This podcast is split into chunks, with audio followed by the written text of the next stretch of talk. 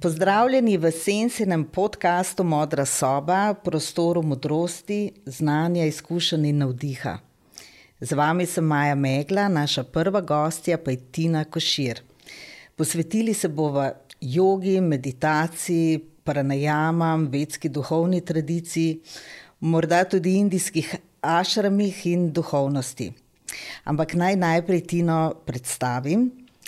Uh, spoznali smo jo kot voditeljico oddaje Knjiga Mene Briga, v kateri je na televiziji Slovenija širila uh, re, re, uh, recimo temu ljubezen do branja, uh, približevala svet knjig uh, in lepoto tega sveta. Uh, srečali smo jo tudi na okroglih mizah, literarnih večerjih. Drugače pa Tina. Uh, doštudirala uh, na primerjalni književnosti in filozofiji, in uh, že v diplomi, in tudi kasneje v doktorski disertaciji, se je posvetila v bistvu tematsko indijskim virom. In uh, za, uh, za uh, diplomo je prejela študentsko preširnovo nagrado, drugače pa predava na oddelku za azijske študije, še vedno. Um, z lanskim letom sem zaključila. Aha, mhm. dobro, pa, pa želimo kaj novega v to smer, zanimivega.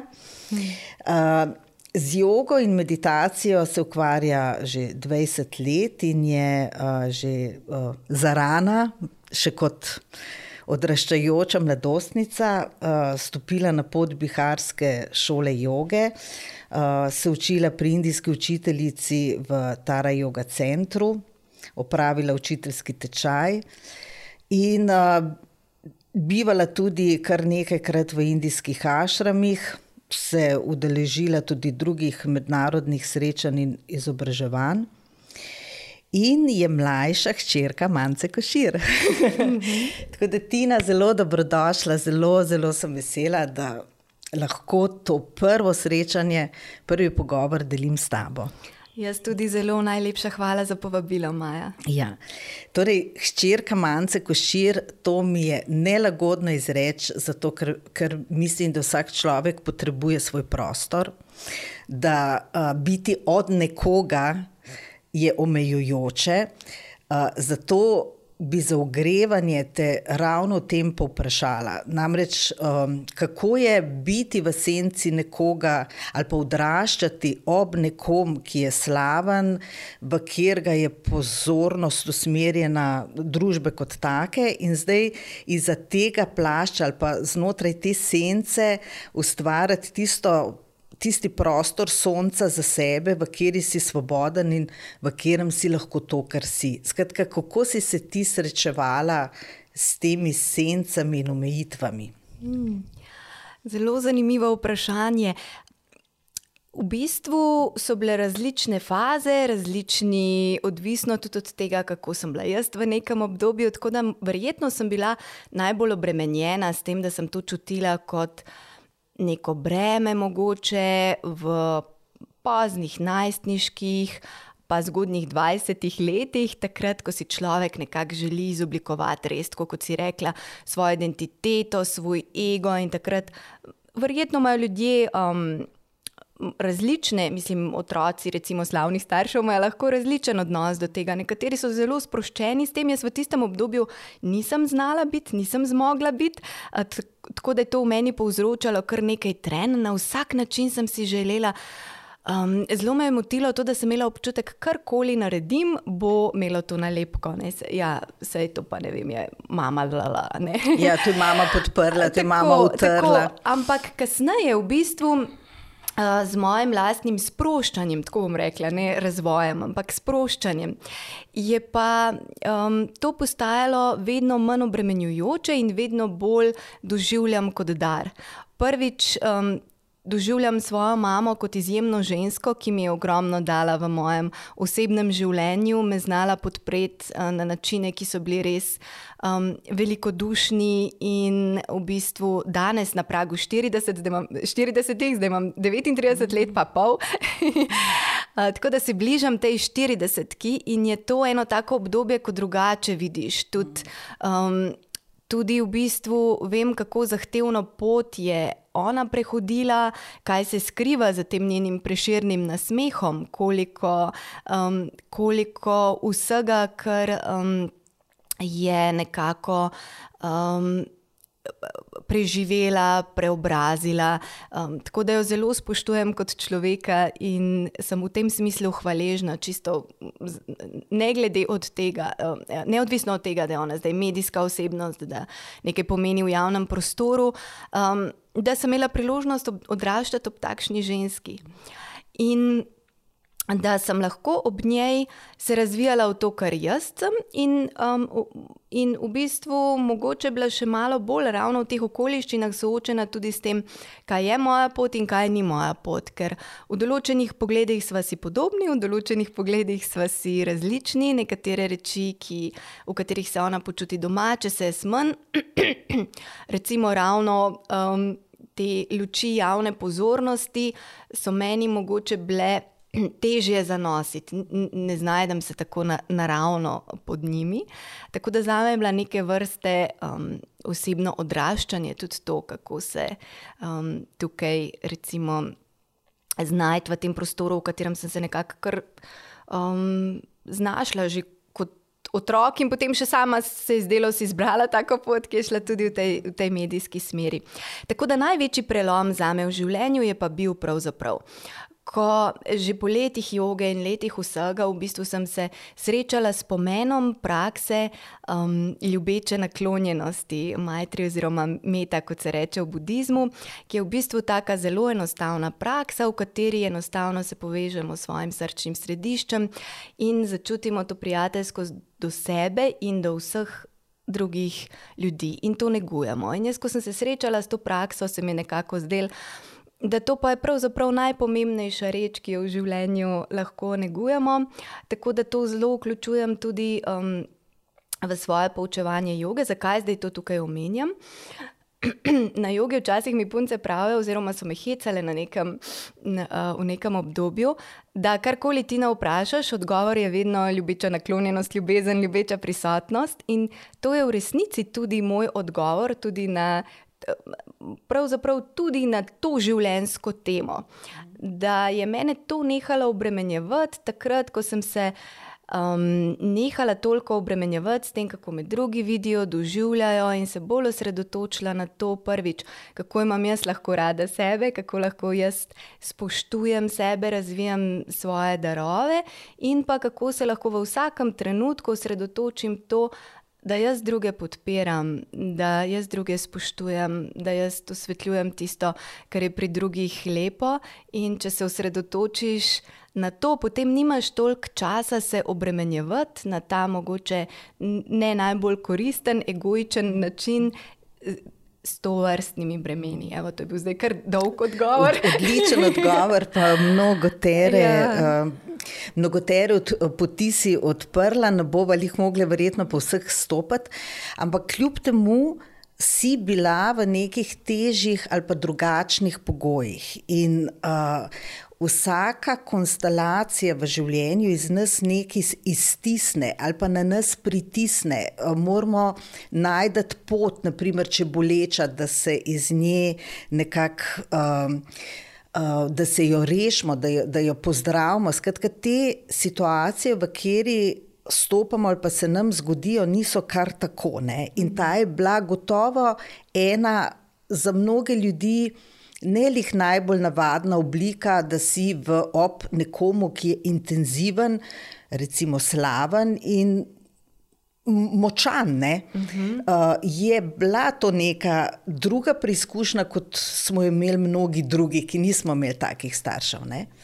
Potem je pa še druga, ki je zelo delikatna in uh, uh, bi. Uh, vsem želela, če uh, seveda si pripravljena tudi, da o tem spregovoriva, in to je pač izguba otroka, uh -huh. ki mhm. si jo doživela. Zato, ker uh, to so najtežje preizkušnje in izkušnje, kar jih lahko nekdo doživi. Ne? Recimo ene, ena od, bom mhm. rekla, no, niso najtežje, vsaka je po svoje težka, ampak to so res ekstremno težke. Uh, In uh, ekstremno težke izkušnje uh, nas res pritisnejo ob zid, da najdemo pot, da se jih iz, njih, iz njihovih lovk nekako izlijemo, izmotamo, odrešimo, rešimo.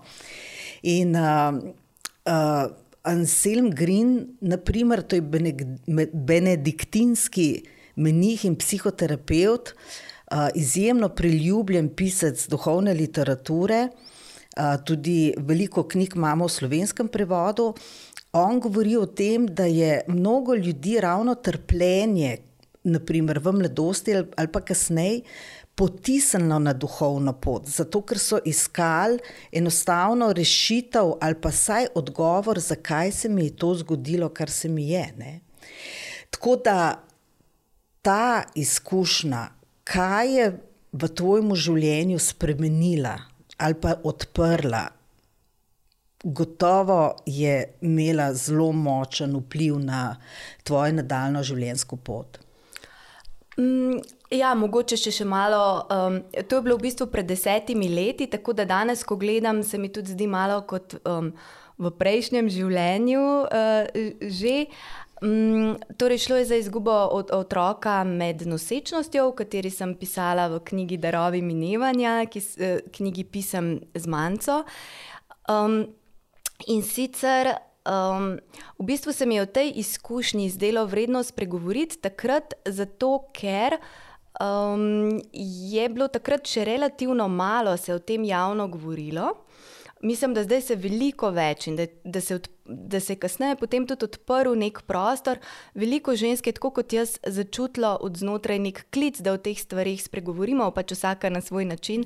Moj način je bil preko teh pisem z manjco, V bistvu je Manca takrat ravno pripravljala knjigo Darovi minevanja in mislim, da je bilo to ene tri ali štiri leta po, tem, um, uh, po tej moji uh, izkušnji. In nekako je hodila z mano, predvsem sem se pa takrat zelo veliko pogovarjala eh, z različnimi ženskami in ugotovila, da um, ogromno žensk res ima izkušnjo iz takih ali drugačnih razlogov, v bistvu izgube otroka med nosečnostjo. Ne?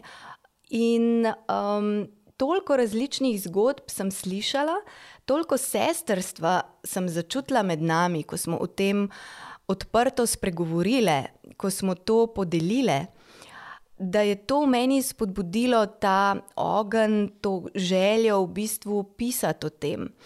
Ker nekako bolj kot govoriti, pisati. Mm, ker sem rekla, da v bistvu želim popeljati tiste, ki so mm, na to pripravljeni, skozi to, kar sem v knjigi popisala v bistvu tam grem prav skozi celotno, v bistvu želim popeljati bralko, bralca, tudi zanimivo, tudi precej brav, senzibilnih bralcev, moških se mi je javilo po, po tem branju, da jih je to zelo pretreslo in da v bistvu mogoče lažje tudi razumejo svoje partnerske sestre, matere, kogarkoli, ki je, ki je imel um, to, to izkušnjo. Uh, skratka, da skozi to pisano besedo v bistvu popeljem uh, bralca, bralko skozi samo to doživljanje. In na nek način je bil moj namen, ne samo da se zagozdimo v tej bolečini, ampak da v bistvu izidemo vsi skupaj na drugi strani obogateni. Ker mislim, da je to lahko dar mnogih bolečih um, izkušenj. No, ne bom zdaj moralizirala za druge, da bi drugi morali doživljati hude reči, ki so se jim dogajale na kakršen koli način. Ampak jaz v življenju, če pogledam tiste stvari, ki sem jih um, doživela um, kot zelo boleče, vsekakor je veljalo točno to, kar si ti prej tako čudovito rekla. Da nekako, če sem, kolikor sem zmogla iti. Um, mogoče zavestno skozi to, ne pobegniti eh, pred vso paleto občutij, ki se ob tem zbujajo, se povezati z drugimi ljudmi, ki so bodi si doživeli kaj takega ali kaj drugega. Skratka, se odpreti tej sočutni skupnosti, so ljudi.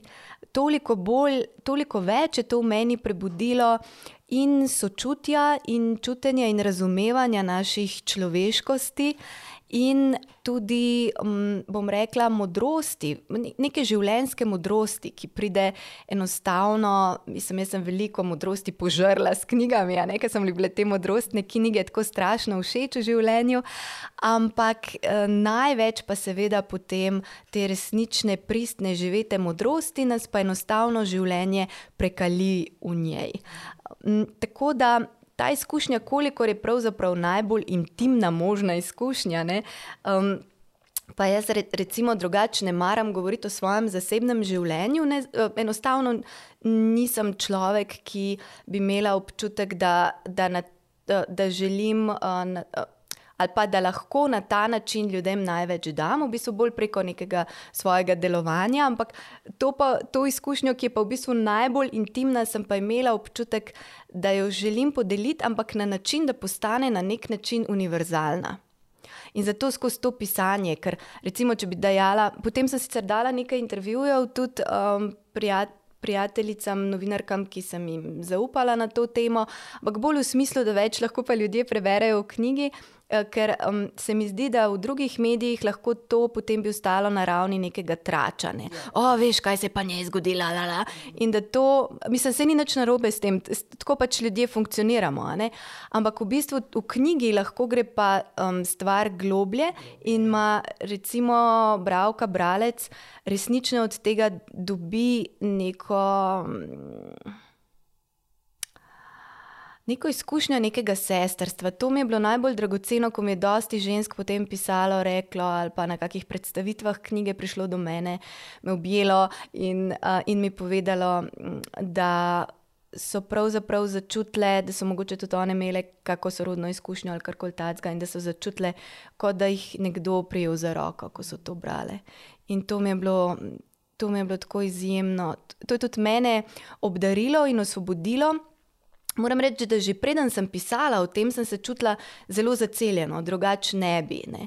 Po eni strani je to pisanje bilo tudi terapevtsko za mene, ampak um, nisem se čutila, da bi bilo to takrat, že takrat, ko sem pisala, ker je že toliko let minilo, toliko podpore sem imela vmes in vsega, nisem čutila, da bi bila to neka živa rana. Ne. V bistvu je bilo nekaj, um, jaz sem že čutila v tem veliko več svetlobe kot teme, veliko več lepote kot groze.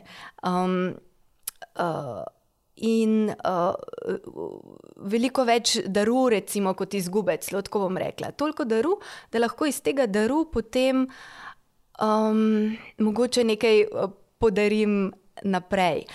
Vseeno pa je bilo za mene še, dodatnja, uh, še en dodaten dar, ko sem to napisala, ko sem to delila, um, ko je šlo to v svet na način, da. da, da um, so ljud, se je dotaknilo src, uh, tudi misli ljudi na, na, na načine, kot so mnogi ljudje zelo prijazno delili z menoj, in um, me to res še dodatno v bistvu. Um, Ganilo, no, tako bom rekla.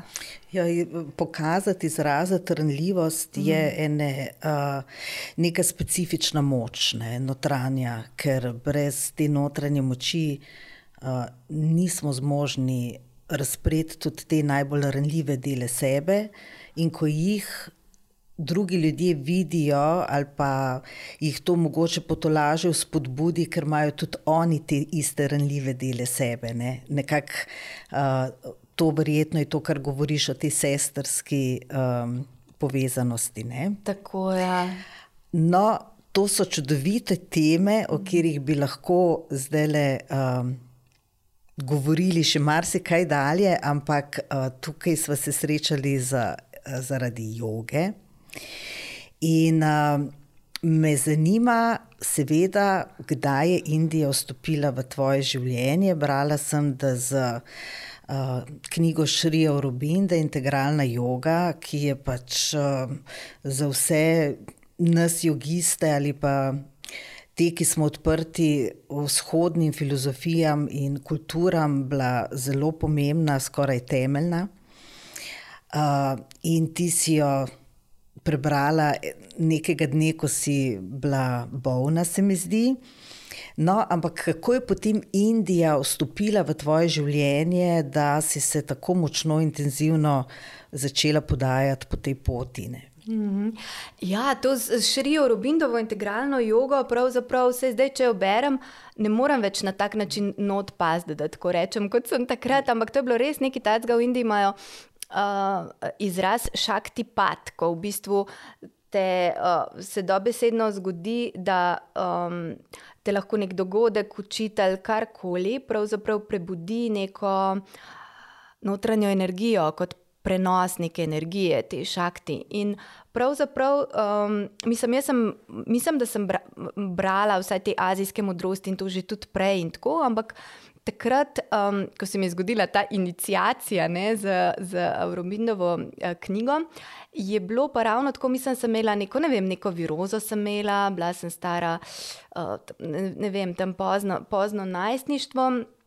Eh, prej sem že sama sicer in nekaj delala joge, in nekaj poskušala po knjigah, in tako, tako da je nekaj zena in to, ampak takrat sem bila pa v neki tudi neki notranji krizi, v neki notranji temi.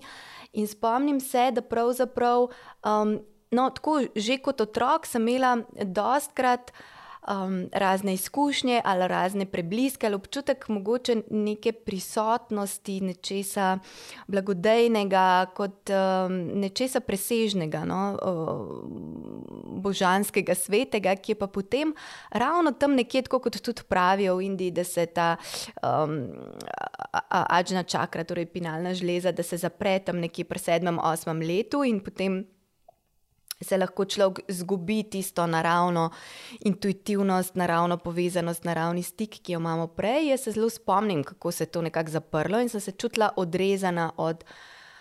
Božanskosti sebe, življenja, čutenja tega, da obstaja nekaj več. Um, in to potem v tem poznem najstništvu nekako sem čutila že kar kot eno tako eksistenčno krizo, da sem se počutila prav v sebi, v temi, v sebi sem čutila neko praznino. Um, kar v bistvu kot neko nagnjenje, mogoče k malkim depresivnim razpoloženjem in tako v enem takem obdobju, v enem takem samospraševanju, v neki taki luknji, pravzaprav sem brskala po maminih policah za neke, nekimi drugimi knjigami.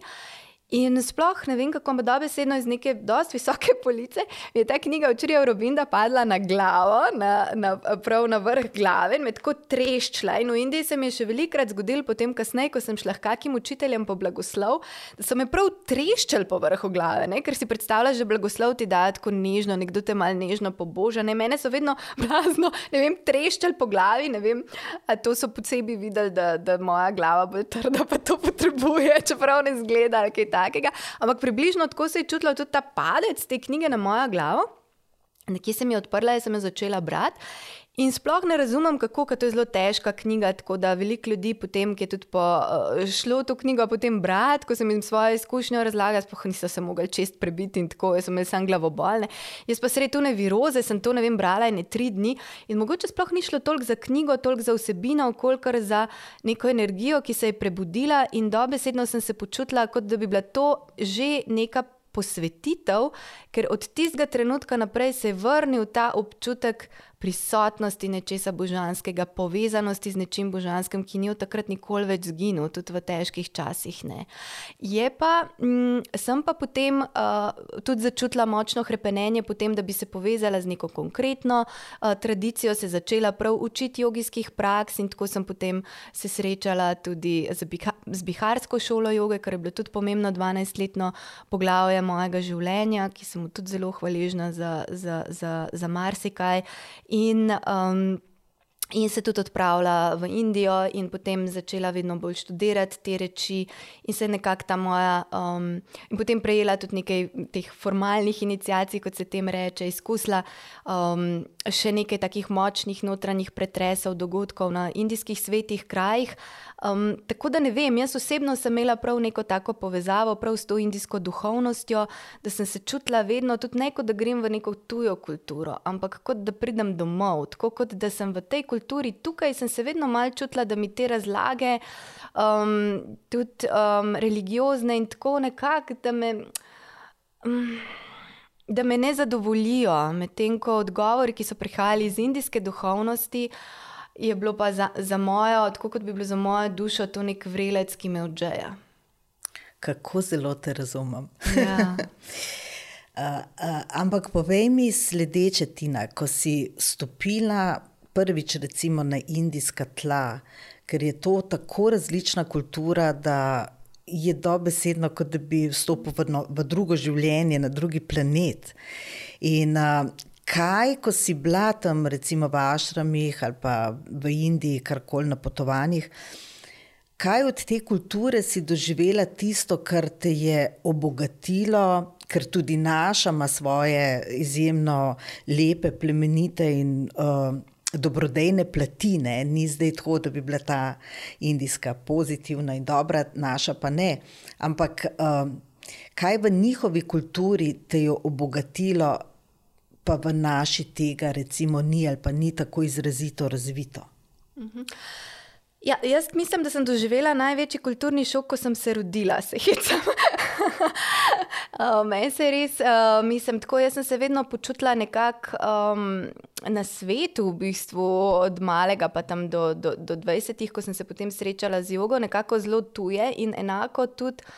Um, pravzaprav um, v, v, v tem kulturnem okviru meni je bilo res, ko sem prišla v Indijo na nek način, kot da sem prišla nekam, kjer sem že odnegdaj bila in kar že poznam, tako kot da sem se vrnila domov. Tako da stališča indijskega razumevanja sveta bi se to pojasnilo z, z raznimi vtisi iz recimo temu prejšnjih življenj ali kakorkoli. Um, Mislim, da nobene kulture ni niti za idealizirati, niti za demonizirati. Indija je vsekakor izjemno intenzivna, tako v dobrem kot v slabem. Tako da se mi zdi, da v Indiji lahko izkusiš največjo svetost, največjo norost, uh, deveti krok pekla in uh, največjo nebeško ekstazo v, v kratkih časovnih in geografskih razmikih in izjemno intenzivnost življenja. Tako da ne bom rekla, da je to nekaj, kar. Mm, no, to bom rekla, da je to vsekakor nekaj, kar je specifično za, za, za indijsko kulturo. In te, tako kot bi bilo življenje potencirano v vsej svoji pestrosti, barve so intenzivnejše, vonji so intenzivnejši, vse je intenzivnejše in meni ta intenzivni izbruh življenja, ki sem ga čutila v Indiji, po eni strani navdušil, po drugi strani tudi izčrpal in tudi iz mene same priklical najboljše in najslabše. Tako da se mi zdi, da me je Indija, jaz sem bila vedno v Indiji, nikoli, ker recimo imam veliko prijateljev, ki so šli v Indijo za daljša časovna obdobja, pol leta, eno leto, več let. Jaz sem bila vedno samo po par tednov do recimo, mislim, da ni mesec najdlje, ampak pač večkrat, ne vem, petkrat petkrat, mislim, da samo vse skupaj. Ja. Tako da ni to zdaj nekaj tacga. Mislim, ljudje imajo veliko daljše indijske karijere, recimo temu. Ne. Mene so indijska potovanja vedno tudi precej izčrpala, m, ravno tudi zaradi soočenja enako tudi v sebi, z intenzivnostjo v sebi, intenzivnostjo lepega in težkega v sebi. Tako da ne bi mogla, mislim, težko si predstavljam, da bi zdržala neko zelo veliko dozo tega. Tako da sem bila prav vesela in da sem šla tja, in potem, da sem prišla nazaj in da sem. Sem, se pa spomnim prav prvič, ko sem prišla, mi ni bil kulturni šok iti v Indijo, to je zanimivo, pač tako mi je bilo res, kot da sem se samo vrnila po nekem času, ko me, dol, ko me pač nekaj časa ni bilo tam. Mi je bil kulturni šok, recimo, priti nazaj v Evropo. Prav spomnim se tega, ker um, bili smo po zimi, ampak v Indiji vse en toliko barv in, in to žarenje, ki ga imajo ljudje v očeh. In potem, ko sem se vrnila sem tukaj, tako sem se počutila, da sem v, ne, v nekakšnem uh, hiši duhov. ne? In uh, sem zelo čutila to, ta nekako kot bolj. Je sicer vse bolj urejeno, vse bolj teče, vse bolj mirno, vse bolj predvidljivo, ampak hkrati pa tudi manj živo. Vseeno, kot vidiš, živim tukaj, ne v Indiji, ne? to je pač moja, ne samo, um, uh, ne samo, da sem tukaj rojena, ampak je seveda tudi izbira se, drugače bi se človek lahko kam preselil. Ne? Tako da meni je vsekakor čudovito živeti v Sloveniji. Težko si predstavljam, da bi recimo zdržala živeti v Indiji, to bi bilo meni izjemno naporno. Ampak je pa ta zavest, mislim, potovanja, uh, izkušnje Indije so mi dale zagotovo ogromno in zdaj to, kar nosim v sebi zaradi njih in kar lahko tukaj um, doma gojim, živim. Um, je pa verjetno še bolj pomembno. Zelo, zelo dobrodejno je to, kar govoriš, ali pa na, način, na katerega predsta, si predstavlja ta stik, ali pa to ponovno srečanje z neko matico, ki jo nosiš v sebi. Zato, ker to smo mnogi doživljali ali pa doživeli, in ker je tako čtekano, si pač tiho, zato ker je. Ne navadno za to našo kulturo. Ne? In recimo, jaz sem se počutila že kot otrok, resnično, kot da sem tam, kjer sem po pomoti, uh -huh. da se je nekdo zmotil, da sem jaz tam, kjer sem. In to je bila, uh, sliši se uh, trapasto, ne? ampak to je bila iskrena, globoka otroška stiska. In me, potem, kasneje v puberteti, so jo neke druge plasti prekrile. Ampak šele ko sem stopila, jaz ne na indijska tla mnogo krat, ampak eh, čez v ašram mojega učitelja, je izpuhtel v sekundi ta globok in razpreden občutek neke tesnobe in pomote, nastalo nepopisno olajšanje, da sem prišla domov. In to seveda ni dom v fizičnem smislu. Jaz nikoli tudi si ne želim v Indiji živeti, pač sem tukaj, tako kot si ti opisvala. To je pač so neke druge ravni doma in takrat. Od tistega trenutka naprej človek šele stopi na tisto pravo pot, ki je pač prava pot. Vse so prave poti, ampak na tisto njegovo ključno pot, rečemo. In to je lahko uh, pot joge, pot duhovnosti, In uh, me zanima, kaj je za tebe tina yoga ali pa duhovnost, ne glede na to, da imamo toliko nekih oblik joge, joga obraza, smejalne joge, nekatere se izvajajo ob muski. Uh, tako, kaj, kaj je za tebe yoga, kaj tebi predstavlja yoga? In sočasno, seveda, kaj, kaj sploh je duhovnost? Za mene osebno yoga pomeni res to stik, pravzaprav povezanost z božanskim v sebi in v vsem.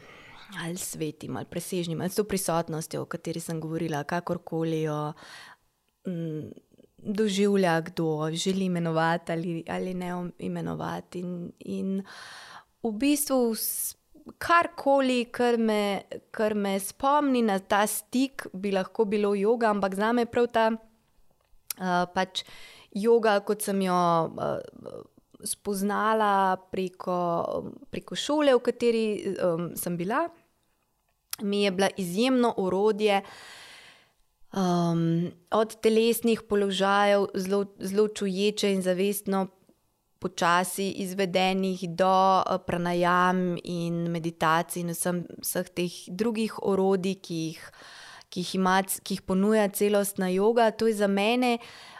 Jaz, ko sem to odkrila, meni je bilo to, mislim, sem še to lahko delam cel življenje. Tako, tako me je v bistvu tako kot bi iz, od, iz odrezanosti prišla v stik. Za me je bilo to čudežno doživetje, zato sem se, zato sem se toliko tudi potem posvetila in vadbi tega v svojem življenju in, in predajanju tega, kolikor zmorem. Um, zdaj, eh, danes, v bistvu, kar sama učim, ko, ko, ko imam svoje programe, eh, ki jih imenujem Pot na vznoter so pa najrazličnejša orodja, ki jih v bistvu začutim, da bi nek, nek, nekako za me je osnovno, da se poskušam.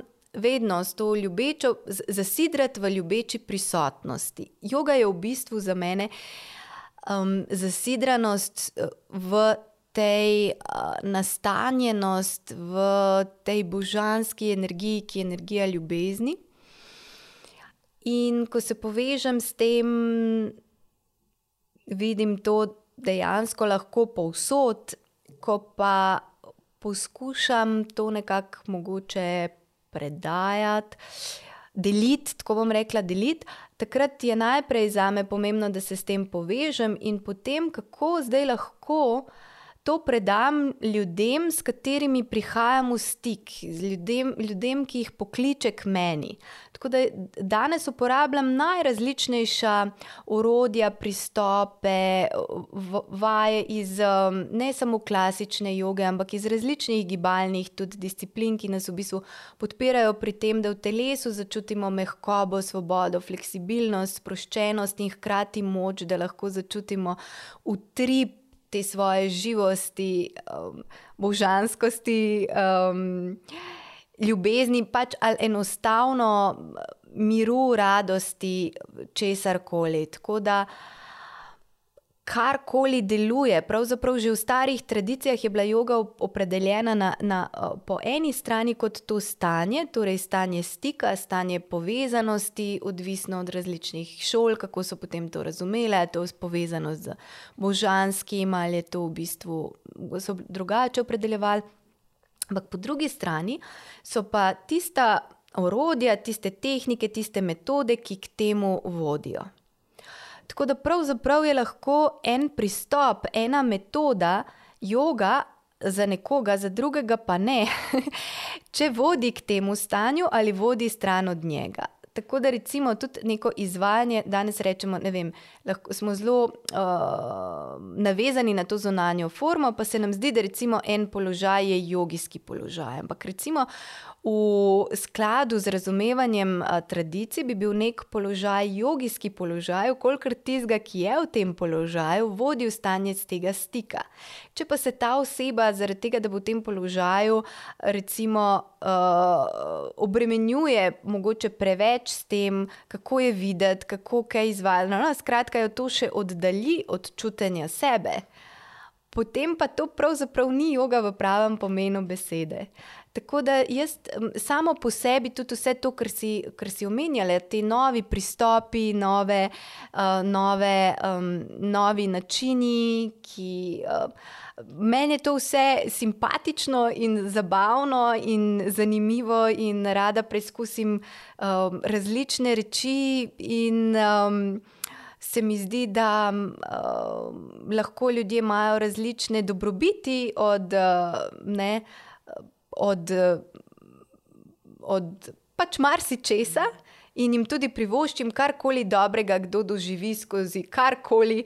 Jaz vsem privoščim, da bi se počutili dobro v svoji koži, bili srečni, zdravi, mirni, veseli. In um, karkoli, ko ga podpira na tej poti, sem jaz. Um, Um, absolutno vzpodbujam. Za mene pa to dost tak, recimo, moja osebna vadba, moja osebna sadana, moja osebna praksa je pa še vedno zelo, zelo indijska. Recimo, druge, um, um, pred, Predvsej še drugih reči, kot jih jaz sama naprej podajam, enostavno zato, ker niti ne čutim, da bi jaz osebno imela kapaciteto te reči, ki so jih mene naučili, na enak način naprej predajati, niti ne čutim, da bi ljudje, ki prihajajo k meni, nujno to potrebovali. Mogoče potrebujejo nekaj drugega, ampak to, kar mene pripelje v stanje stika. So zelo tako indijski pristop, jaz pa iz tega stanja stika, potem lahko ta stik naprej v bistvu na tak precej priljuden, poljuden način, ki je zelo nezaznamovan nekako z, z, z indijsko kulturo, predajam. Mm.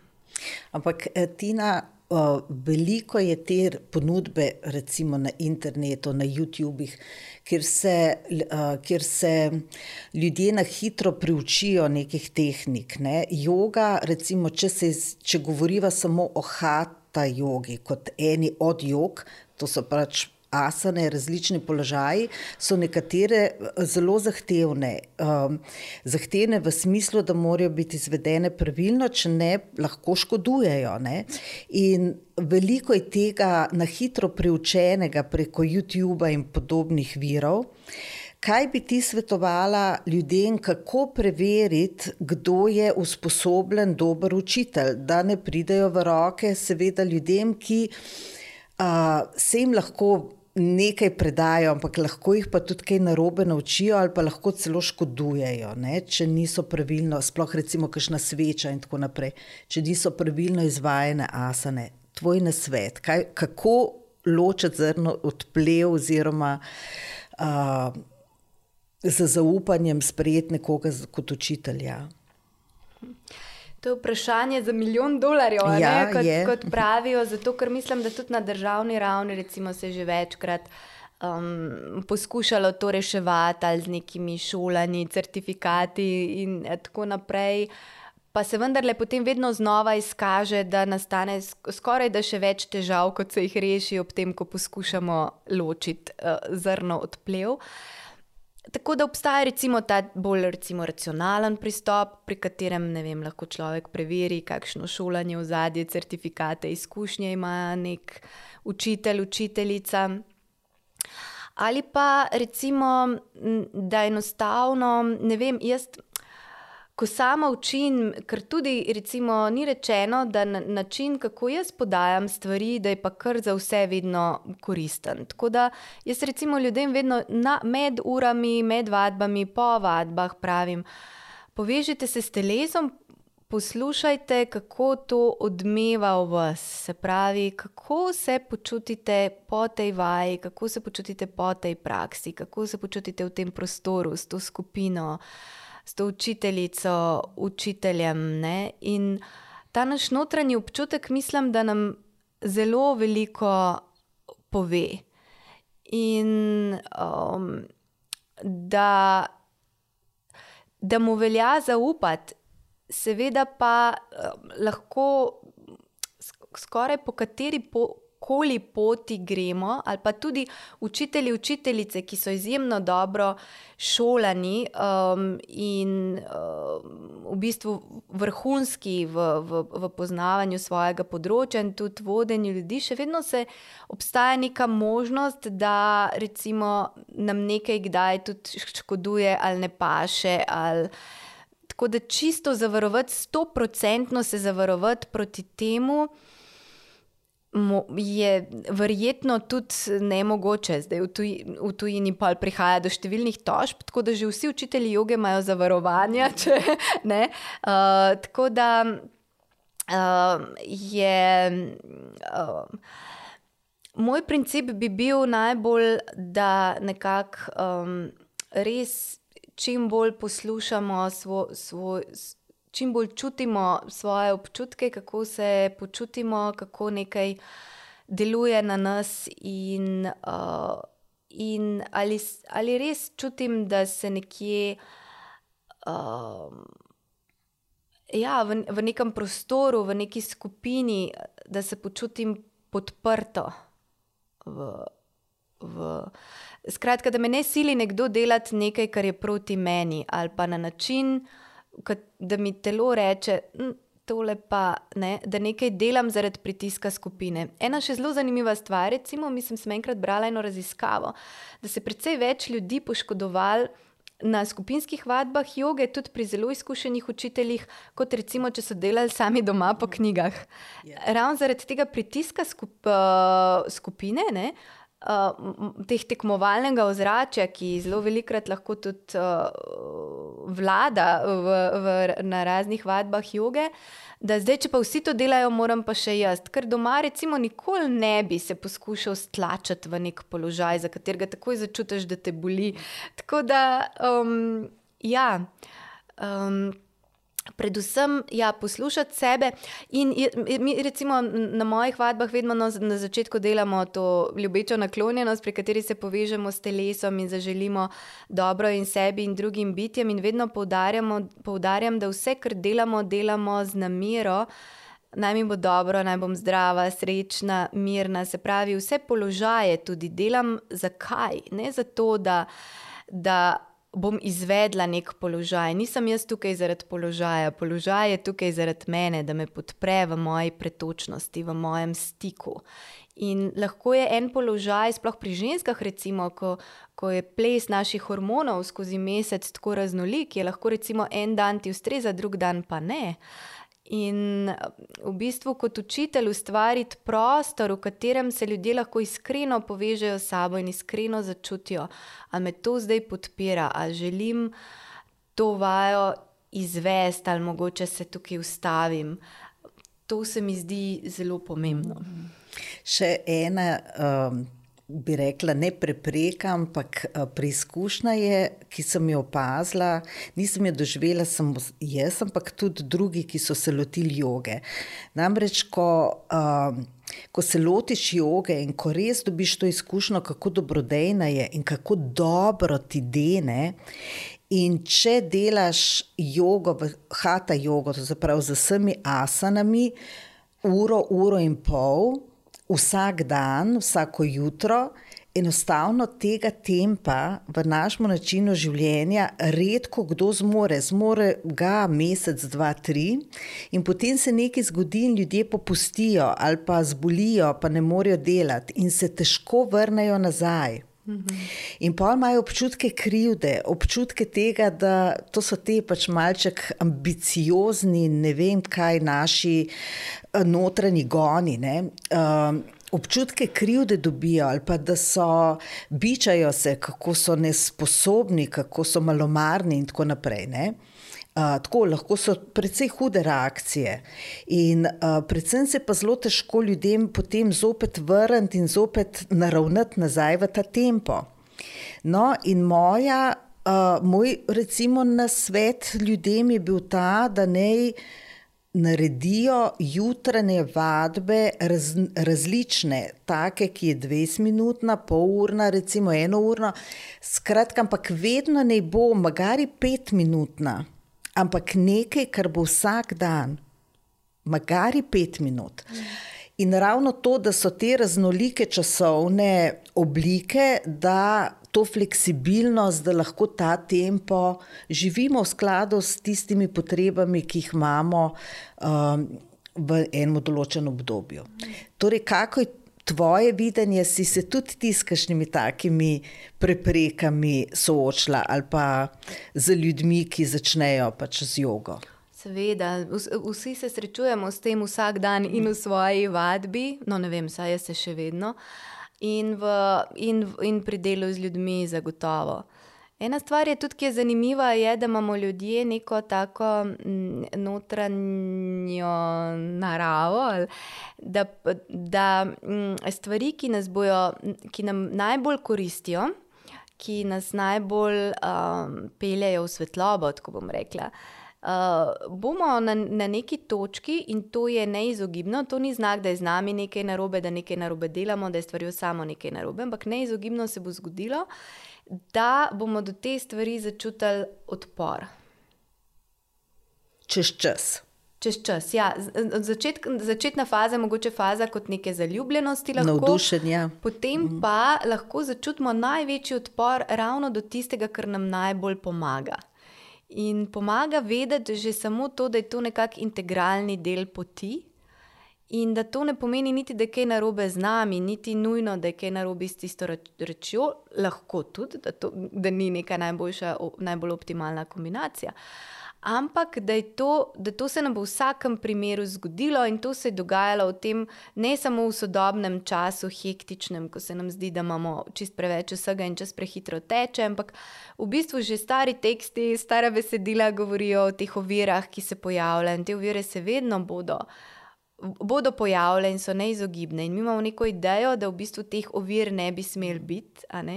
In te ovire so ali zunanje, se pravi, v zunanjem življenju se nam zgodijo neke okoliščine, ki se zdi, da preprečujejo našo vadbo na način, kot smo si jo zamislili, ali pa naše notranje ovire, se pravi, noter se zbudijo neki odpori, neki zadržki, neki karkoli, kar nas v bistvu odvrača od te zadane poti. In zdaj, kako iti s tem? Prva stvar je, da se zavedamo, da, to, da, da to ni um, da, da so ovire del poti same. Ovire same so pravzaprav pot. Ovire so pravzaprav tisto, kjer se šele izkaže za res uh, naša.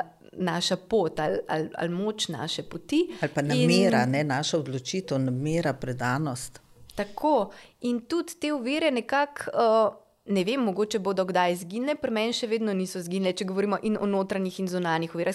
Skozi prihajajo različne zunanje ovire in skozi prihajajo različni no. notranji odpori, ker vsakič znova, ko se neko novo področje odpre, ko, ko mi je spet nekaj nelagodno, spet pride nek odpor. Tako, uh, tako da moja izkušnja, pod, ampak dobro, sem šele, zač, sem šele začetnica, ne, v bistvu šele 20 let za malo, tako da, da sem še frišna. Uh, um, je, je, da to se kar naprej dogaja, ampak da sem lahko mogoče zaradi tega bolj nežna s sabo, zdaj bolj sočutna s sabo. In v bistvu to, kar vse, kar si navedla, je, so, se mi zdijo sjajni na sveti. Uh, v bistvu edino, kar jaz opažam, je, da se ljudje potem z mano začnejo pogajati, kaj pa če tudi pet minut časa nimajo. Kaj pa tisti dan, ko nimajo niti pet minut časa.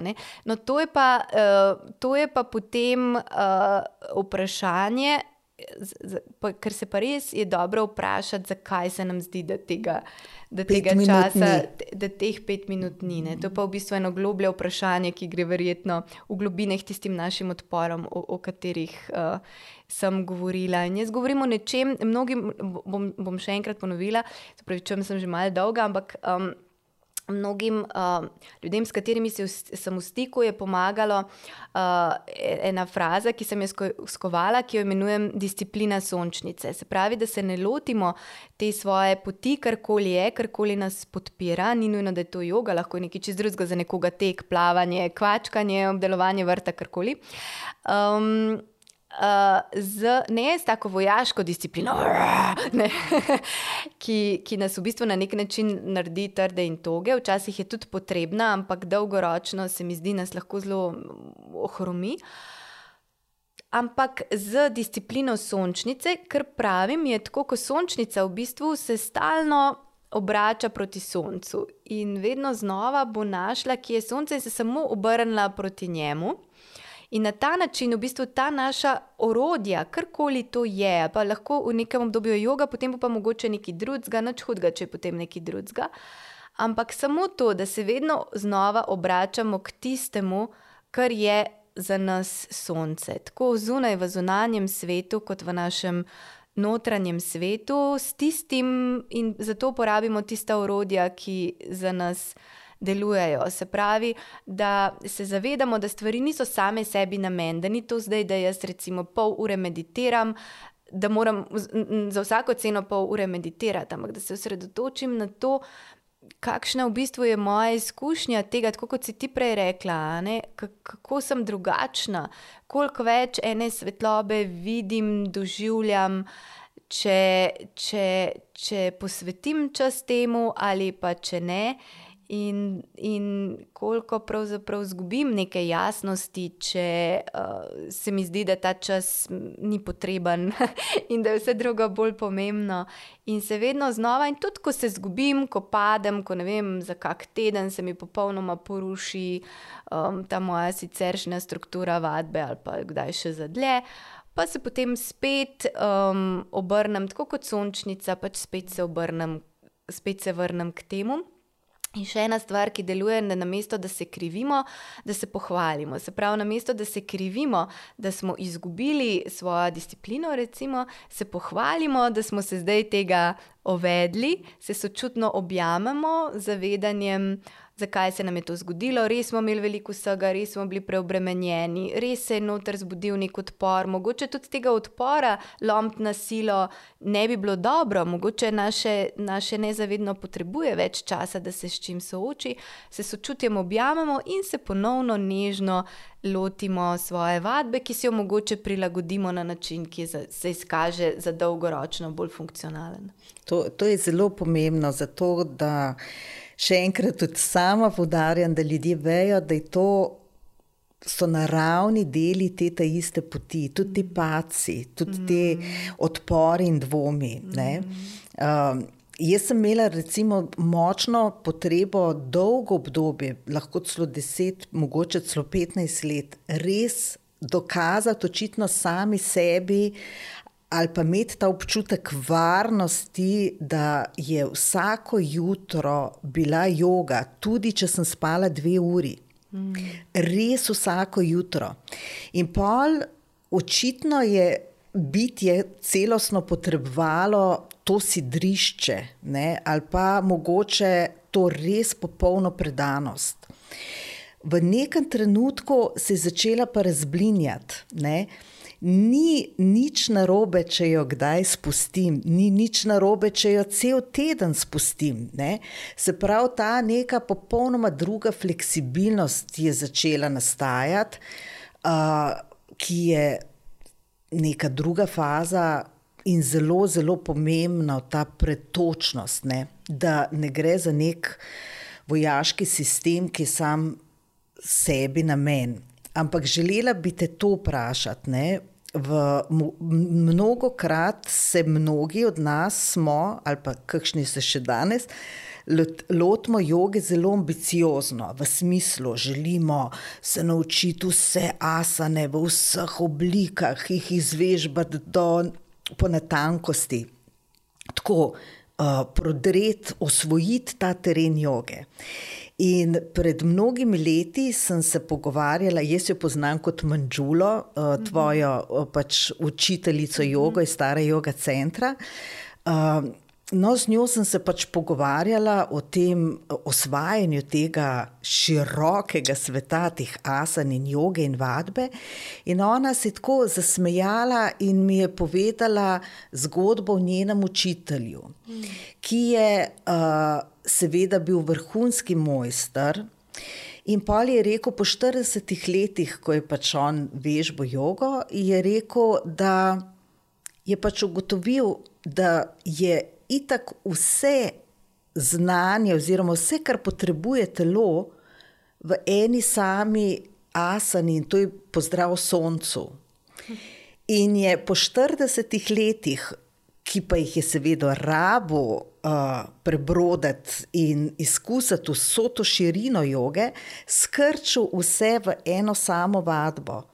Ampak pozdrav soncu je pa delo, recimo 40 ciklov, skratka, res pol ure vsak dan. Ne?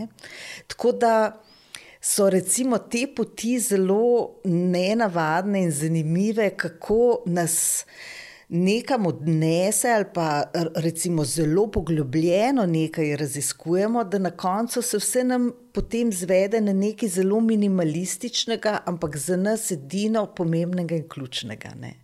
Hmm. No, pozdrav soncu 40 krat vsak dan, nikomor ne bi svetovala, to bi najprej, najprej zdaj povedala. Ker vemo, Absolutno, iz, iz ja, ja. sodobne, iz sodobne um, če mogoče zdaj kdo posluša. Pa, um, ampak najlepša hvala za to, um, za to, za to zgodbo, nisem jo poznala. Um, ampak iz, recimo, kar se tiče teh asan in to v bistvu iz sodobne. Um, uh, fiziologije, ko imamo že tudi več spoznanj kineziologije in tako tudi vemo, recimo bolj um, sodobno izučeni učitelji vam bodo povedali, da ni dobro, da bi vsak dan delali enako prakso, um, celo so bolj, um, za recimo, bolj zaželene recimo različne oblike, uh, da kombiniramo različne oblike gibanja in tako, kot sem rekla, jaz tudi recimo v svoje poučevanje joge zdaj uvajam v bistvu zelo, zelo veliko elementov, ki niso iz klasične joge, tako kot je tudi to, kar danes imenujemo klasična joga, v bistvu v zgodovini tudi nastalo iz zelo različnih um, elementov in virov, tem včasih predavam za učitelje joge. Ampak um, tako da v bistvu zelo, um, mogoče zelo se okleniti uh, tega, da bi morali imeti nek. Uh, pro, tak prav program, ki ga vsak dan izvedemo, ali pa ne vem, da bi se morali tudi zelo izpopolniti v asanah. Nekatere ljudi to motivira in, in zelo veliko pridobijo skozi, tudi skozi to. Moja pot tu ni bila, tako da jaz uh, o tem ne morem iz, iz, iz prve osebne izkušnje govoriti. Meni men, men je bilo vedno v bistvu asane, so mi bile v bistvu samo način, kako se povežem s tem čutenjem telesa in uh, um, v bistvu mi nikoli ni bil cilj napredek, ampak prisotnost. Uh, ne, not progress, but presence, rečejo včasih v, v angleščini ameriški učitelji. Ne. Tako da to je bila recimo moja um, filozofija, se pravi, tak način podpore telesa, da je telo lahko začuti prisotnost in lahko začuti tak stik. In recimo moje telo ne želi kakšnih zelo zelo dobro delam nekatere asane, ki so sama zase, ki so malo bolj intenzivne, ampak v bistvu drugače želi eno tako dost nežno podporo, recimo, in, in, in mu jo naklanjam na, na ta način. Um, za me temeljna praksa je praksa ljubeče prisotnosti. Za me se vse zvede na to, ne toliko na neko zunanjo tehniko, ampak na to, kako biti. Za me je to tudi edino, za mene osebno merilo jogijske prakse. Ali sem po jogi, čemkoli, kar delam, ali sem lahko bolj ljubeče prisotna, prav utelešeno, ali lahko utelešam to ljubezen z velikim L, ki, ki, ki ni vedno sladka, ki ni, ki, ki ni ima nič z ustrežljivostjo ali pač prav sem sicer. Po naravi tako dost. Ustrežljiv človek, ampak, ampak ni nujno. Ravno, ker sem zelo ljubeče prisotna, lahko, imam lahko tudi zelo jasne meje, včasih lahko mm, se izrazim na načine, ki, ki niso nujno v, v skladu s pričakovanji drugih, in tako naprej. Ampak to zasidranost v tej ljubeči prisotnosti. In to je za me v bistvu temeljna yoga, tem, temeljen, v bistvu vse ostalo, vse te zunanje tehnike so v bistvu nek zunanji okvir, ki, zaradi katerega jaz čist na telesni ravni in svoj živčni sistem pravzaprav pripravljam na to, da mu je to lažje. Ampak drugače pa za mene temeljna praksa, ki jo lahko delam kjerkoli, kadarkoli, ki jo poskušam se spomniti na njo, zdaj tukaj, ko recimo sedim, to, da, da se povežem s srcem in da čutim polno prisotnost v trenutku na način ljubezni. In to je zato v bistvu tudi, če, če, če telo ni zdravo, če telo se ne more gibati, če ne moreš izvajati silnih jogijskih tehnik, če se ti zdi, da za nje ni prostora, časa v hektiki dneva. K temu se vedno lahko vrneš, vrnem. In to se mi zdi osrčje vsega. In ostalo je vredno toliko, kolikor me temu približuje, lahko pa, če se kdaj zataknem v to, da hočem kako tehniko izpopolniti. Ali pa, če se zataknem v to, tudi v to se znam zelo zatakniti, tako kot si ti rekla, jaz imam tudi to izjemno navezanost na svojo. Na čas za svojo sadeno, na čas za svojo duhovno prakso, in lahko, recimo, če se mi zdi, da tega časa nimam, ali pa ga ne znam zavarovati, ali pa um, recimo tudi moje notranje uvire um, mi preprečijo, da bi si ta čas, um, čas posvetila, lahko postanem v bistvu zelo razdražljiva sem opazila, ne? kako zdaj, ne vem, sem pa, pa ne vem, imel moj kuža drisko, pa sem morala od njega sprehajati na mest, da bi jaz zdaj v miru naredila svojo pranajamo. Ampak se potem spomnim na to, da v bistvu je moja pranajama namenjena temu, da lahko jaz z mirom in ljubeznijo sprehajam svojega kužka, ki ima drisko in ne obratno. No to, to je takrat, seveda, ta premik iz potrebe po trdnih okvir, okvirih, ne, v neko večjo fleksibilnost. Ampak v bistvu je oboje v redu. Ne. In v redu je, da imamo red, in v redu je mal, malce kaosa. Ne. Oboje je pač del tega sveta, tako kot noč in dan, črno in belo, smo v tem dualizmu sveta. Tako da biti ravno sproščen v tem prehajanju iz reda v malček nereda ne, ali pa kaosa in zopet nazaj. Zdi se mi, saj meni je bil korak v to fleksibilnost res zelo pomemben korak. Recimo k neki svobodi, ne, neki mhm. sproščenosti, odprtosti, sprejemanju, neutralnosti. Mhm.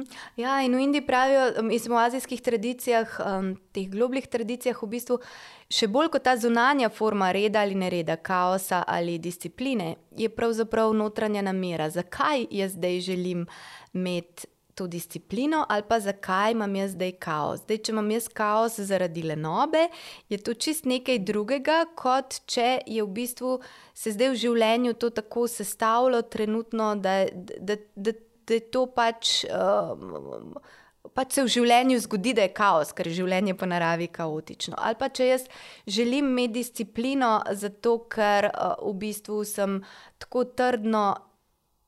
Že kar odvisniško, odvisna od nje je ena stvar, če pa želim imeti disciplino, zato ker vem, da me to podpira pri tem, da lahko da lahko negujem, recimo, za mene, ki je temeljna ta ljubeča prisotnost, ne, da, lahko, da, me, da me ta disciplina prakse podpira pri tem, da potem cel dan lahko to ljubečo prisotnost bolj jasneje čutim in izražam. Ne? Ampak potem je recimo, tako ločiti za mene, v bistvu eh, sanskrtska beseda viveka pomeni ločiti uh, sposobnost pravilnega razločevanja, ki je v bistvu v jogi sta dve temeljni, temeljni stvari, ena je vairagija, ne navezanost in druga je viveka, sposobnost pravilnega ločevanja. In tudi tukaj lahko rečeva, da pravzaprav je to dvoje pomembno. Ena je tudi nenavezanost na svoje ideje, predstave, tudi o tem, kako naj kakšni naj bi mi sami bili in kakšen naj bi bil svet. In drugo je viveka sposobnost pravilnega razločevanja, kaj ločevanja bistvenega od nebistvenega. In zdaj, če recimo bistveno, zdaj govorim za, za me, to, da sem ljubeče prisotna, potem lahko ločim zdaj. A, m, imam disciplino, ki za me deluje, da, me da, se, da samo sebe v življenju pri tem podpiram, recimo, ker opazim, da sem pač veliko lažje, če, če upravim recimo, svojo duhovno prakso. Ampak po drugi strani, če je treba to disciplino spustiti iz uh, neke motivacije, pristnega stika z življenjem. Um, je tudi ok, ampak zato recimo, je dobro pogledati zdaj motivacija, neka moja. Neka moja, recimo, lenoba, ki je ponavadi izraz nelagodja s tem, da se ne želim soočati z nečem, kar, je, kar se pojavlja v sami praksi, ali, ali je res izraz, eh, ali pa, je, ali pa res, da zdaj to dis, disciplino malo razrahljam iz nekega sočutja ali do sebe, ali do, ali do drugih, ali do skratka, kaj v bistvu je moja motivacija. To je zelo to. pomembno. Ja. Ker, ker, mislim, Viveka je v indijski kulturi res eno zelo tem, te, tem, temeljno, kako bi rekla, temeljni pogled na, na svet in življenje, ker je uh, lahko neka kvaliteta v eni situaciji dobrodejna in ista kvaliteta v drugi situaciji lahko slaba. Mm -hmm. Se pravi, ta mo zmožnost razločevanja, recimo, lahko smo v neki situaciji pogumni, v neki drugi situaciji bi pa ta pogum pomenil vrtolomnost. Recimo, Tako, ja. Tako da je pač, zato imajo oni v jogi uh, eno pot, ki se ji reče džnana yoga, yoga modrosti, ne? modrosti, eh, razumevanja sveta, vedenja v svetu, ki razvijamo to pač razločevanje ne? uh, teh različnih kvalitet. Ne? Ampak. To bi bila čudovita zgodba, še uh, in tudi nenavezanost ki je tudi v budizmu zelo temeljna. Ampak, če se vrnem na to tvojo ljubečo prisotnost, me zanimata še dve stvari, ki sta zelo, zelo ključni, sploh v zahodni duhovnosti. Ne.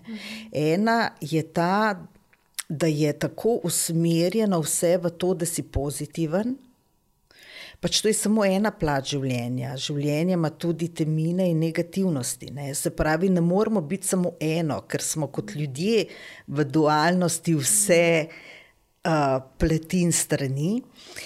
Zato je tako iz tega naslednje vprašanje, kako v ljubeči prisotnosti rokovati s temi težkimi čustvi, to se pravi z jezo, besom, krivdo, nemočjo, uh, sramom. Mm -hmm. Odlično vprašanje, najlepša hvala, Maja. Ja, seveda, ker ko rečemo ljubeča prisotnost, ljubeča naklonjenost, kot sem prej rekla, si ljudje najla, najhitreje ob tem pomislimo na neko, recimo, temu vedno pozitivnost mm. ali vedno, vedno neko zunanje izražanje prijaznosti v smislu strežljivosti. Mm. Sprav, kot da smo neke stevardese v življenju. Tudi servilnosti na konc koncu. Pač. Um, Medtem ko je razumljena ljubeča prisotnost oziroma ta prijateljskost majtri v, v, v, v tradicijah se, se veliko krat um, recimo uh, primerja s soncem. Soncem, ki sije na nebu, in ne glede na to, ali so od spodaj oblaki, pa ga ne vidimo, je ono zadaj. In, in si je v bistvu na vse enako, znotraj in zunaj, in gre za ljubeča naklonjenost ali ljubeča prisotnost, ni čustvo in tudi ni uh, osebna, nekako je zelo brezosebna, oziroma tako bom rekla, je nadosebna. Stanje bi lahko temu tako rekli? Ja, v, v, v, v, v, v, v, ko je izpopolnjena, je v bistvu stanje. Nekako je stanje te naše. Prave narave, pravijo. Takrat, ko smo res v stiku s tem, kar v resnici smo, smo v stiku s to uh, neizmerno ljubeznijo, včasih to začutimo za nekaj trenutkov, ampak si ta okus zapomnimo. Zdaj pa potem, kako, kako se k temu vračati, ker pa recimo v, sta, v stiku s tem stanjem ne zmoremo biti vedno, gojimo to lahko kot naravnanost.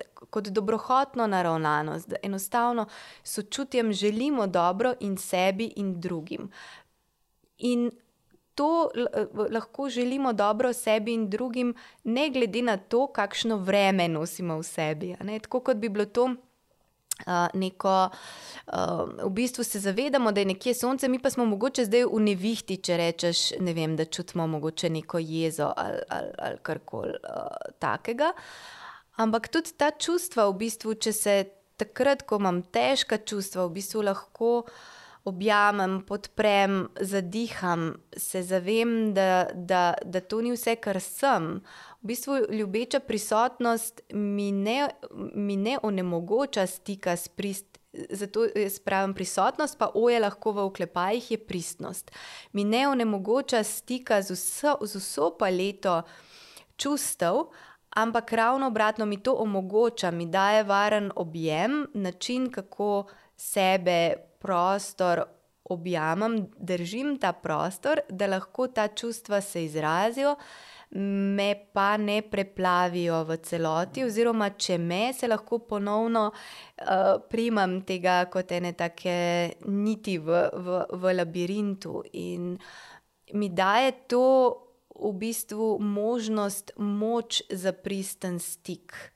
Se pravi, ne zanikanje resničnega v cele palete resničnega občutenja, ampak občutenje z ohranjanjem sočutne prisotnosti v uh, tudi nekega miru, kolikor je to možno, in ravno zaradi tega si lahko dovolim občutiti, kar čutim. Ne, da bi me to priplavilo, ali ne, da bi me nujno vodilo k nekim delovanjem, ki so uh, morda nekoristna ali celo škodljiva za me in za druge. Tako da v tem smislu jaz to, jaz to doživljam. Um, to čutim, če mm. sem.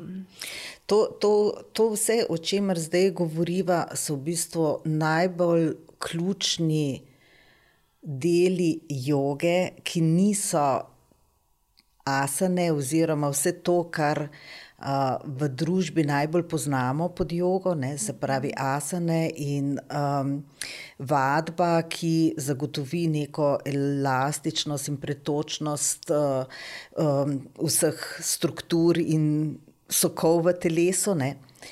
To je super dobro, uh, seveda, ampak to so pa potem te druge plati joge, ki pa so uh, še bolj pomembne. No. Ja, te subtilne plati, um, notranja pot. Ja. Uh, to, recimo, kar si ti prej opisovala, je tudi um, lahko artikulirano na, na način neke prisotnosti, ne? neke neutralne prisotnosti, ko se lahko kjerkoli čustva pletejo po človeku in jih tudi zaznava, jezo, zazna z vso tisto bučno energijo v sebi, ne? ampak to ne pomeni, da jeza preplavi. Uh, se pravi, niti ne dopustimo, da nas preplavi, niti je ne zanikamo. Ne? Enostavno smo tukaj in se zavedamo, da se v telesu pač nekaj dogaja. Ne? In tudi dobro je, da to čutimo, ker potem znamo ukrepati, oziroma je dobro, da ukrepamo in nekaj postorimo. Ne?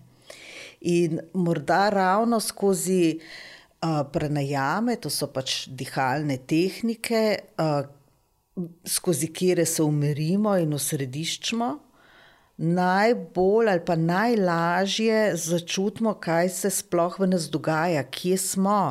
Uh, da nismo v nekem avtomatizmu procesov, v neki naši podzavesti, ki nas kar avtomatično silijo v neka dejanja. Ne? Da smo zavestni v tem, kar čutimo, kar doživljamo, ker potem lahko tudi zavestno živimo in reagiramo. Ne? Mm. Ja, dih je zagotovo eno zelo močno. Zelo močno urodje, tako da marsi, za marsikoga, kot si umela, lahko uh, pranajama v najrazličnejših oblikah, lahko tudi kot enostavno zavedanje diha ali pa rahlo ozemljevanje z dihom sredi kakih težkih situacij, se pravi, da samo znamo malo umiriti ali poglobiti svoje dihanje, nam lahko že takoj spremeni stanje našega. Živčnega sistema, in potem z več miru in jasnosti delujemo. Tina, ne vem, koliko naj odnesel in koliko časa je preteklo, ampak nam lahko za konec mogoče predaš, podaš kakšno preprosto tehniko, preprosto vadbo, kakšen preprost prijem, za katerega ne potrebujemo. Uh, Nekega, ne vem, tal in prostora, da bomo to vežbali. Kakšno preprosto tehniko, ki je izjemno koristna v našem vsakodnevnem življenju, lahko, mm -hmm. pa ki jo lahko izvajamo kjerkoli, tudi v pisarnah. Mm -hmm. Aj prevelika. Prošnja. Ne, ne, ne, ti samo povej glasbeno željo, vtipkaš v jukebox, filter, tudi Ju v pisarni. tudi v pisarni, absolutno. Na, zato, ker recimo jaz sem prav pač. Uh, ko sem še, uh, zdaj sem na svobodi, ne samo, s, s, kako se temu reče, samostojni kulturni delavec, ampak nekdaj, ko sem bila v kolektivu, ne, na delu, je bil velik kolektiv, sem uh, pač si pripravila par takih uh, prijemov, uh, da niso bili čudaški, ker nobeni vedo, kaj delam. Uh, Uh, in sem se odklopila samo za par minut, tako da se mi sistem regeneriral. Mm -hmm. Tako da še kako so pomembne pisarne, zato ker večina ljudi je v njih cel dan. Absolutno, ja. ja. Zdaj, ena taka najenostavnejša stvar, sploh, kadar imamo občutek, da nas odnaša, je, je vzpostaviti stik s tlemi. Se pravi, uh, se prenesti vso pozornost v stopala, se zavedati stika s tlemi. Zdaj, če govorimo res v pisarnah, še so ljudje okrog, sredi situacije, v bistvu vzpostaviti stik s tlemi, pa mogoče malo podaljšati izdih. Se pravi, vdih skozi nos in potem samo podaljšan izdih. In če lahko sledimo temu izdihu, kako teče navzdol po telesu, kot bi tekel v tla skozi noge in naredil koreninice, se pravi, nekdo ne vem, nori v pisarni ali karkoli nam se je dvignil pritisk, se samo povežemo s tem. Podaljšamo svoje dihanje in naredimo nekaj dihov, ki jim sledimo z, z pozornostjo po telesu navzdol v tla. Torej, to ni prav.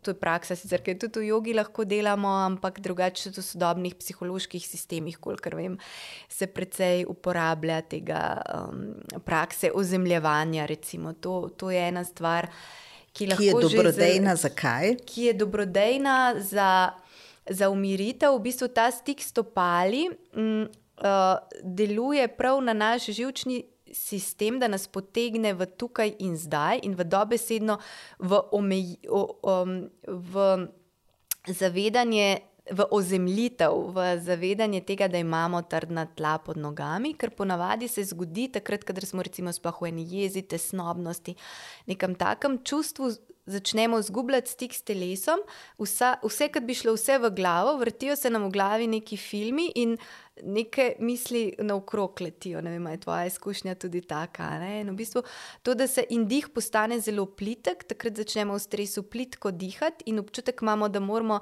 hitro, impulzivno nekaj reagirati, in takrat se lahko zelo razni obrambni vzorci pojavijo v nas, kakršni koli že so, ki niso nujno najboljši in dobrodejni ja, za nas v tisto situacijo. Tako da, če si samo uspemo vzeti nekaj trenutkov, da se povežemo s telesom, s tlemi, z dihom, in da potem ne nujno reagiramo impulzivno na tisto, kar je pred nami, ampak z malce več modrosti, z malce več presoje tega kaj si jaz želim storiti, posredovati, izraziti v tej situaciji. Seveda, pa kot veva, obe je to. Dosti krat v teh stresnih situacijah zelo težko, in žal ne gre, če nimamo vsakodnevno neke prakse. Se pravi, jaz tudi opazim, da če recimo zjutraj imam svojo prakso, potem preko dneva se na to spomnim in se lahko zemljim, če pa nimam, pa veliko teže. Ne? Tako da res je, je blagodejno to, če imamo v dnevu nek, na zač, mislim, neko, neko tako prakso, ki nam pomaga, da je potem tudi tokom dne to lažje. Potem je recimo nekaj, kar meni neizmerno pomaga, zdaj pa recimo, da že ni več nikogar okrog nas, ali pa gremo celo na VC ne, za nekaj minut, recimo to, da se samo tresemo fino po celem telesu in nas to trese, stresemo dobesedno stres iz sebe. Ali pa da meni je, meni je čudovito čim večkrat uh, vaditi to, da se primem z eno roko za trebuh, z eno roko za srce, da začutim, da sem na varnem v svojih rokah, naredim nekaj globokih dihov s trebuščino prepono, meni se recimo stres zelo v trebuhu začne poznati, tako da čutim, uh, kako se to sprosti, kako lahko diham in se samo rečem v mislih to namero, ljubeče naklonjenosti, prisotnosti, naj mi bo dobro naj bom zdrava, srečna in mirna, in potem še na vse bitje, naj bo vsem dobro, naj bodo vsi zdravi, srečni in mirni, in še enkrat na vse, naj mi bo dobro, naj bom zdrava, srečna, mirna. In samo, recimo, nekaj, samo minutka, dve tega me poveže s tem. In potem, recimo, v sami situaciji, če sem pa v situaciji, ko tega ne morem fizično izvesti, si pa predstavljam toplino svojih rok ali pa toplino, kot bi me nekaj objemalo na srcu, na trebuhu, da sem na varnem, v nekem, v nekem varnem objemu in da čutim ta ljubeči, ljubeči stik in iz tega lahko delujem. In kot rečeno, to ne pomeni delovati na način, ljubeča prisotnost ne pomeni, da bomo delovali na način, eh, da bomo drugim ustrezali. Veliko krat pomeni ravno obratno, da bomo znali postaviti veliko bolj zdrave meje. Zato, ker če se nekdo destruktivno vede do nas, ne, recimo, to tudi za tistega človeka ni dobro. V bistvu iz, iz indijske tradicije bi rekla, da je to tudi za njega slaba karma. Tako da iz ljubezni do njega tudi ali nje je, je pomembno, da da, da se čim bolj preprečijo taka ravnanja, kadar se lahko. In tudi izkušnja ljudi, s katerimi sem jaz delala, je bila v bistvu tako, bi si mislil, da če bo človek to vadil, ja, potem boš se vsem pustil maltretirati. Ampak v bistvu izkušnja ljudi, ki to dejansko vadimo, pa je, da v bistvu iz te ljubeče naklonjenosti je ravno obratno. V bistvu postavimo veliko bolj jasne meje in se veliko bolj izčistijo odnosi in okoliščine tudi v našem um, v naših življenjih iz, iz, iz te namere ljubezni do sebe in, in um, do drugih. Tako da za mene je to mogoče nekaj, nekaj takih zelo preprostih pristopov, ki so hkrati izjemno učinkoviti in pri katerih je največji izziv samo to, da se na nje spomnimo. Čudovite stvari si podelila, Tina. Hvala, Maja. Bomo vadili ljubečo prisotnost. Tudi, um, uh, res je to izjemno, izjemno, izjemno hranilno in dobrodejno, zato ker, um, kako bi rekla, nismo, nismo, nismo več atomi, ampak smo del celega stvarstva. Če smo v tej ljubeči prisotnosti, je kot da bi celo vesolje zaobjemali v, svoje, v, svojih, uh, v svojem objemu. Uh, in ni večjega bogatstva od tega, kot če imaš cel svet v svojem objemu. Kako si čudovito to izrazila. Ja. Hvala, Tina, srčna hvala, vso srečo. Jaz upam, da bojo ti, ki naj jo poslušajo, um, dobili vsaj nekaj idej, nasvetov, navdihov ali pa tudi podpore, spodbude. Recimo, jaz sem jo danes kar nekaj tvojih misli me je upozorilo na nekaj, kar mogoče sem malček zanemarila, mm. tako da si tudi mene zelo obogatila. Uh, želim ti vse dobro in uh, tudi vsem, ki naj jo poslušajo. Hvala lepa. Tina. Enako, Maja, najlepša hvala tebi in vsem, ki ste bili z nami. Ja, hvala.